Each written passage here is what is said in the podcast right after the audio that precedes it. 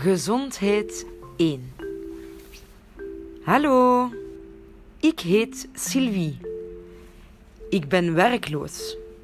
Elke voormiddag drink ik een glaasje Porto in café De Zwarte Fles. Ik ga drie keer per week naar de fitness. Ik ben op dieet en ik eet alleen maar fruit en groenten. Ik drink graag frisdrank. Fanta, iced tea. Alleen op zondag eet ik warm. Een pita met Andalouse saus. Mmm, lekker. Ik rook twee sigaretten per dag.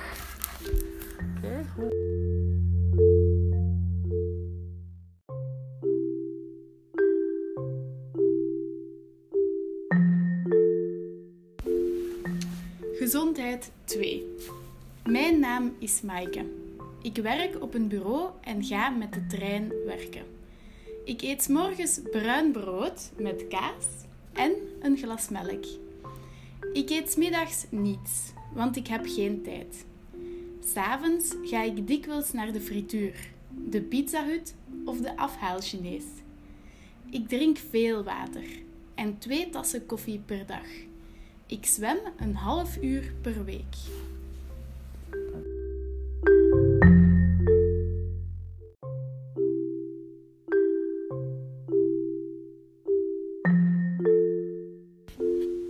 Gezondheid 3. Mijn naam is David. Ik ben postbode.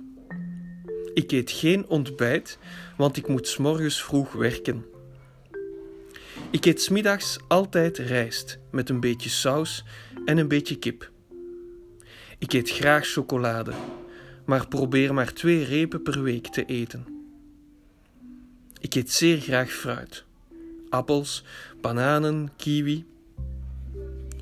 Ik ben vorig jaar gestopt met roken, maar nu rook ik opnieuw.